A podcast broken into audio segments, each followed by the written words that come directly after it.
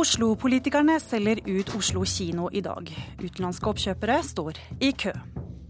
Fuck you, all you motherfuckers. Det er en, eh, en hilsen til samfunnet som man kjemper imot. Dette skal professoren si til studentene sine på Universitetet i Oslo til høsten. Da står nemlig den amerikanske gangsterrapperen Tupac på timeplanen. Og i dag er det altså siste dag for Odd Nerderum sin ankesak i Borgatings lagmannsrett. Vår kommentator er straks på plass. Du hører på Kulturnytt. Jeg heter Ragna Nordenborg. I dag vedtar trolig Oslo-politikerne at de skal selge Norges største kinoselskap. Og flere av Nord-Europas største kinokjeder kan tenke seg å kjøpe Oslo kino. Noe som har fått norske filmskapere til å se rødt, fordi de mener private eiere ikke kommer til å sette opp smale filmer på kino mer. Danmarks dominerende kinoeier Nordisk Film Cinema er en av dem som gjerne vil inn på det norske markedet. Eh, Oslo kino er en av de mest eh, interessante kino- og filmforretningene i Norge.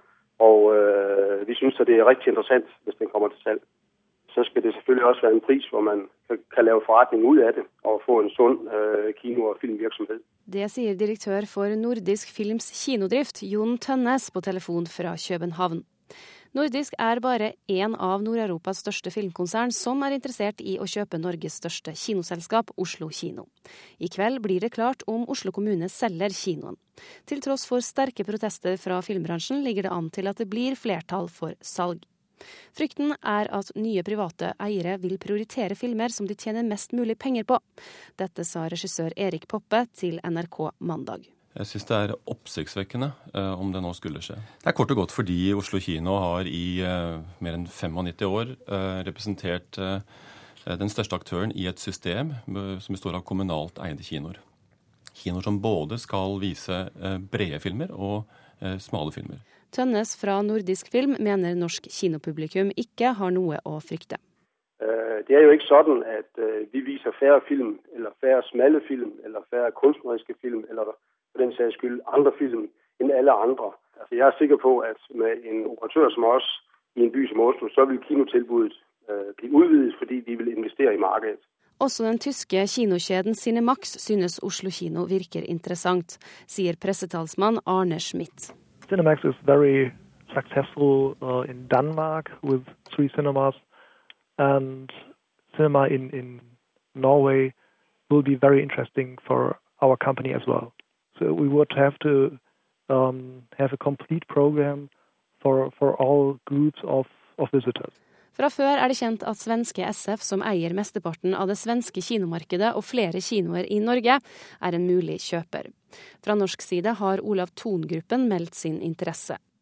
Christian Hein fra Olav Thon-gruppen mener Oslo kino er en attraktiv bedrift. Altså min, mine sjefer er interessert i kino. Bare dette gir jo da meg som får lov til å sitte i den posisjonen, den muligheten for faktisk å ta inn eh, filmer som vi taper penger på. Og det, det, er helt greit. Altså Vi er interessert i Oslo kino, og så må vi jo også på vår side få lov til å høre hva betingelser og hva Altså det, Dette er ikke noe blankosjekk som blir signert. Vi, vi ønsker det, det dreier seg om penger. Reporter var Eirin Venås Sivertsen.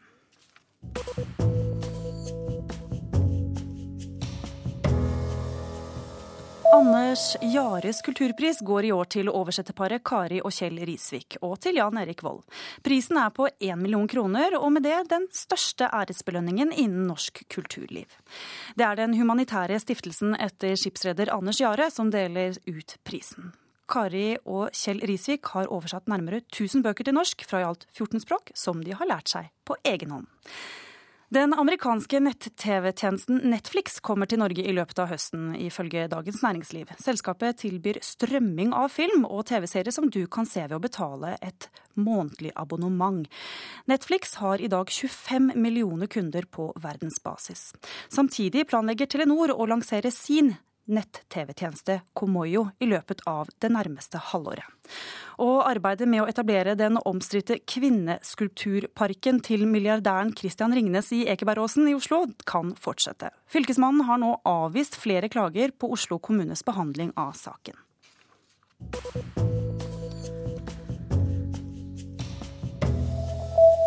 I dag er det altså siste dag i Odd Nerdrums ankesak i Borgating lagmannsrett. Kunstneren ble i august i fjor dømt til to års ubetinget fengsel etter at han skal ha solgt bilder for drøye ti millioner kroner uten å skatte. Kulturkommentator i NRK Agnes Moxnes, du følger ankesaken. Hva skal tas opp på rettssakens siste dag? I dag er det sluttprosedyrene, som det heter. Dvs. Si at aktor skal eh, gå gjennom eh, sine argumenter og de bevisene hun mener hun har. Og så er det forsvarer eh, etterpå, og dermed så er saken avsluttet. Nerdrum har brukt mye tid på å lage et hefte. Dette heftet som vi så ble delt ut til juryen på rettssakens første dag. Hvorfor har han laget dette? Ja, Det er veldig viktig for ham fordi eh, han mener, eller han fører bevis for, da, at 32 av, minst 32 av eh, maleriene hans, som er blitt solgt gjennom, de fleste av dem solgt gjennom et amerikansk eh, galleri, er malerier som er blitt ødelagte fordi at han har brukt en egen spesiell legering på malingen, eh, som han brukte mellom 1984 eh, og, eller 1982 og 1988. Etter hvert så fant han ut hva som var i ferd med å skje med maleriene, som jo er en katastrofe eh, når du skal ut på det store kunstmarkedet og leve av kunsten din. Så det han gjorde, var at han begynte å male om igjen disse maleriene og tilby dem til de som allerede eide dem. Eh, eh, Forsvaret kommer nok til å prosedere på at eh, aktoratet her mener at disse pengene, at Odd Eidem rett og slett har malt disse maleriene to ganger og forsøkt på den måten å slippe unna beskatning.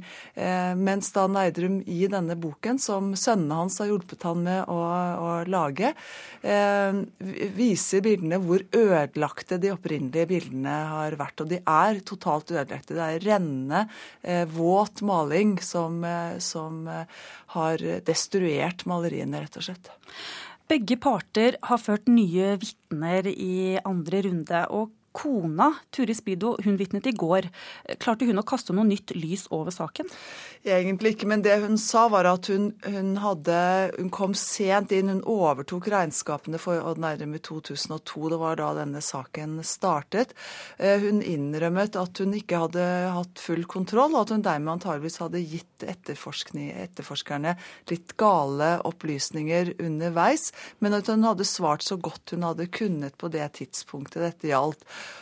Og så kom det vel også frem en del opplysninger, for det er jo en del snakk om Island i og med at Odd Nærum flyttet eh, til Island. Eh, det har vært etterforsket der hvor pengene er eh, blitt av. Men det skjedde jo også da i en periode hvor det islandske økonomien kollapset totalt. Så det har vært veldig, veldig vanskelig for etterforskere å finne svar på en del økonomiske utfordringer. Altså, ligninger ble levert inn i 2007 og, og kom ikke liksom gjennom systemet før i 2011 f.eks. Du sitter jo i rettssalen og følger det, øh, og har øh, Odd Nerdrum i øyesyn hele tiden. Hvordan påvirker dette den berømte kunstneren?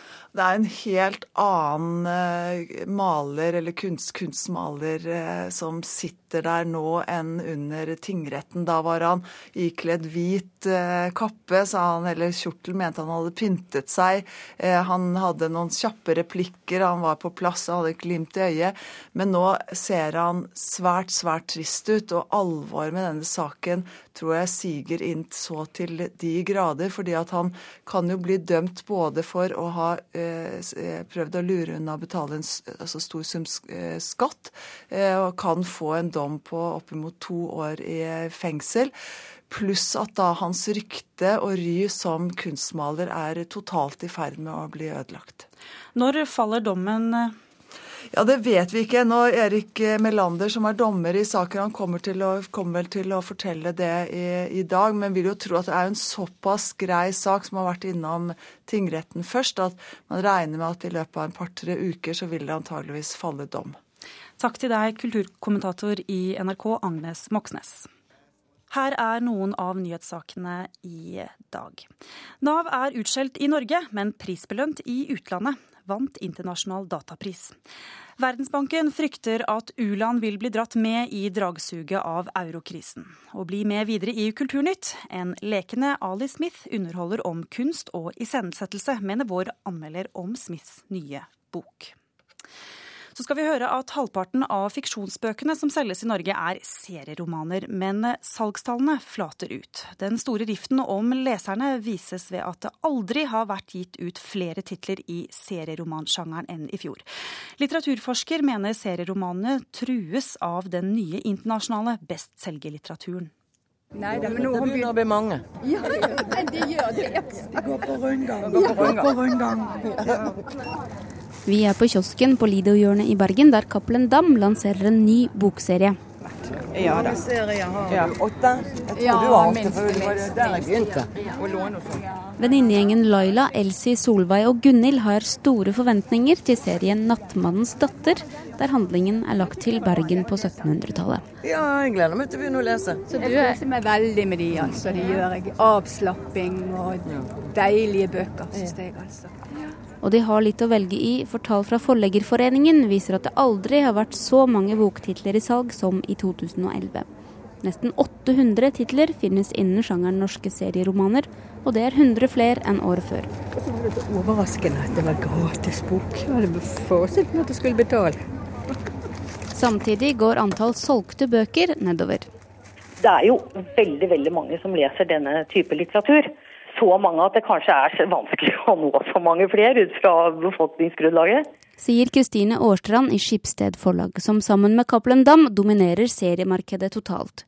Med flere titler vil Årstrand kjempe om å beholde posisjonen. Og dessuten så er vi jo flere aktører som alle vil dominere helst, eller iallfall synes godt i markedet. I fjor ble det omsatt norske serieromaner for ca. 270 millioner kroner, som er nesten like mye som norsk skjønnlitteratur.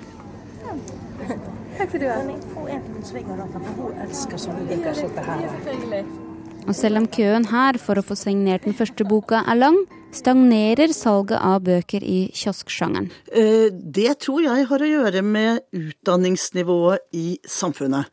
Det sier Cecilie Naper ved Høgskolen i Oslo. Hun har forsket på serielitteratur, og mener at siden utdanningsnivået går opp, går grunnlaget for salg av serieromaner ned. Det kan i hvert fall være en, en, en, eh, en, forklaring. Nå tror hun at oversatte underholdningsbøker kan utfordre lesergrunnlaget til seriene.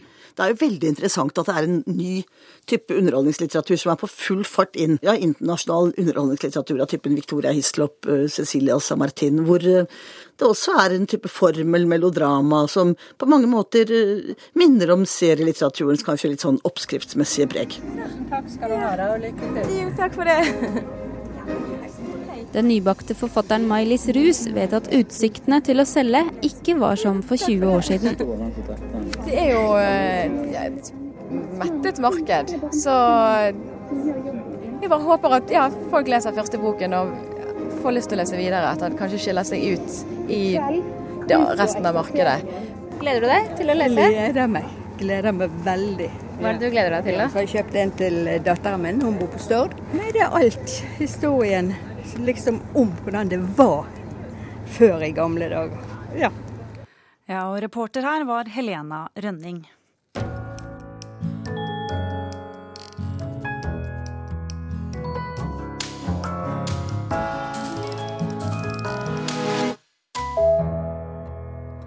Den skotske forfatteren Ali Smith er en av Storbritannias mest lekne forfattere. Hun leker seg med ord, virkelighet og fiksjon. I romanen 'På stedet mil' er hun mer humoristisk enn på lenge, sier vår anmelder Anne Katrine Straume. 50 år gamle Ali Smith har alltid lekt seg med ord. Helt fra debuten i 1995 med novellesamlingen Free Love and Other Stories, etterfulgt av novellesamlingen Other Stories and Other Stories. Hun har skrevet noveller, romaner, skuespill. Hun skriver for The Times Literary Supplement og The Guardian. Hun er prisbelønnet og oversatt til mange språk. På norsk er hun så heldig å ha oversetteren Merete Alfsen, som synes å ha like stor glede av å finne frem til det helt konkrete ordet, og aller helst ord med dobbel betydning. Alfsen skal ha sin bit av æren for at Alice Smith har opparbeidet seg et entusiastisk og trofast publikum i Norge. Blant entusiastene er jeg. Å lese Alice Smith er alltid en overraskelse, selv om stilen går igjen fra bok til bok. I På stedet Mil handler det om den middelaldrende mannen Miles, som låser seg inne på et rom i et hus der han er middagsgjest, og nekter å komme ut. Vertskapet vil ikke ødelegge den dyrebare 1700-tallsdøren, og dermed blir mannen værende. Han har tilgang til vann, mat sender de ham i tynne strimler under dørsprekken. Men vel så mye som denne usynlige hovedpersonen er det ni år gamle Brooke som er i sentrum. Smart, veslevoksen og interessert i nye ord og ordenes betydning. Boken vrimler av vitser og ordspill, selve tittelen henspiller på Miles, som trår tusenvis av mil på ergometersykkel mens han er innelåst. Foruten Brooke møter vi Anna, Mark og gamle Mrs. Young, som alle har hatt sporadisk, men skjellsettende kontakt med Miles. Hva boken handler om, i tillegg til denne leken med ord. På stedet Mil er en historie om fortellingens betydning, om kunst og iscenesettelse. For snart er hagen utenfor huset full av mennesker som håper å få et glimt av Miles gjennom vinduet, og den motvillige vertinnen ser sitt snitt til å tjene penger på buttons, T-skjorter og andre Miles-effekter. På stedet Mil byr på ulike historier om vennskap, undring, samhørighet og ikke minst trangsynthet. Arrogant engelsk middelklasse får så det holder, men kanskje er det trangsynthet i seg selv først og fremst som er mål for Smiths grove skyts.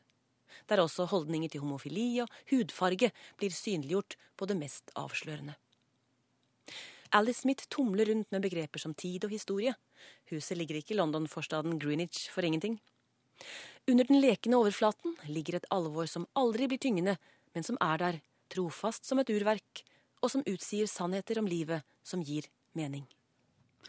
Det mente litteraturkritiker i NRK Anne Katrine Straume. Og anmeldelsene våre leser du på NRKs nettsider. I dag deltar kronprins Haakon og kulturminister Anniken Huitfeldt på åpningen av Kortfilmfestivalen i Grimstad. Kortfilmen er undervurdert, mener regissør Anja Breien. Det er 35. gangen at festivalen blir arrangert, men fortsatt så sliter kortfilmen med å finne et bredt publikum. På torvet utenfor Kulturhuset i Grimstad settes langbord på plass. Partyteltene er allerede oppe, og et provisorisk hvitt stakittgjerde er pyntet med lyslenker. I år håper arrangørene at enda flere folk utenom bransjen finner veien til festivalen. Jeg tror det ligger veldig mye i kortfilm at folk ikke har fått opplevd det så mye.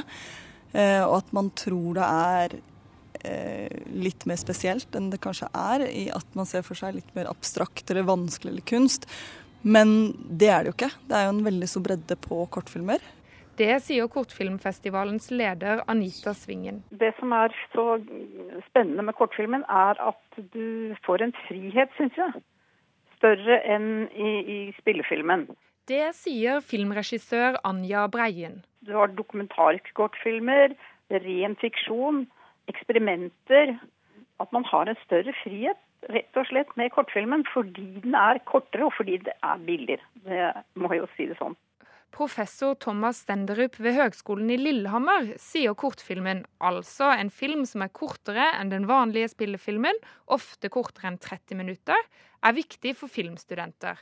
Altså, Kortfilmen er viktig for oss her på skolen fordi øh, det er nå engang helt naturlig øh, plass for unge talenter. Slett og rett fordi at den lange film er vanskelig å ha med å gjøre og krever erfaring så er, er kortfilmen en, en, øh, en, legeplass, en bolterplass. Øh, en film øh, som man kan øve seg med.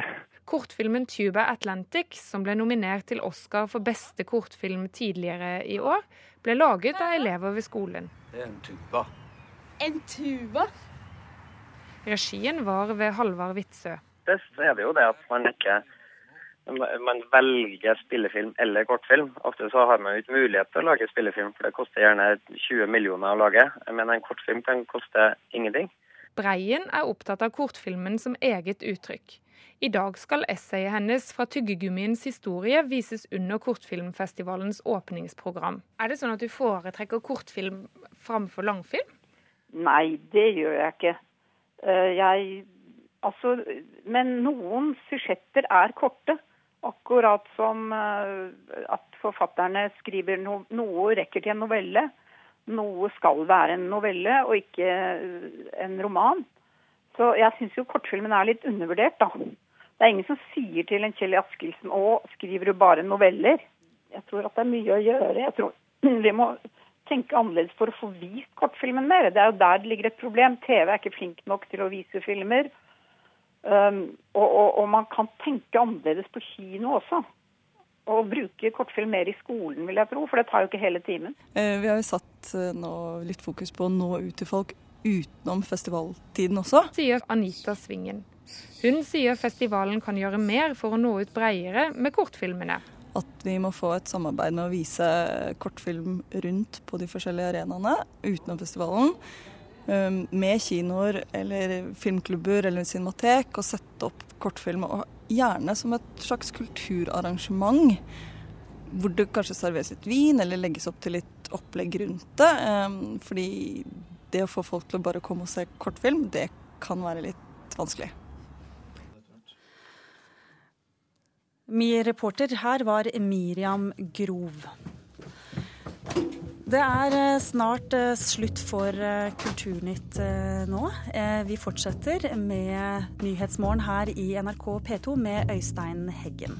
Hovedsakene i dag var at Nord-Europas største kinokjeder er interessert i å kjøpe Oslo kino. Produsent for sendinga var Andrea Kvamme Haugen.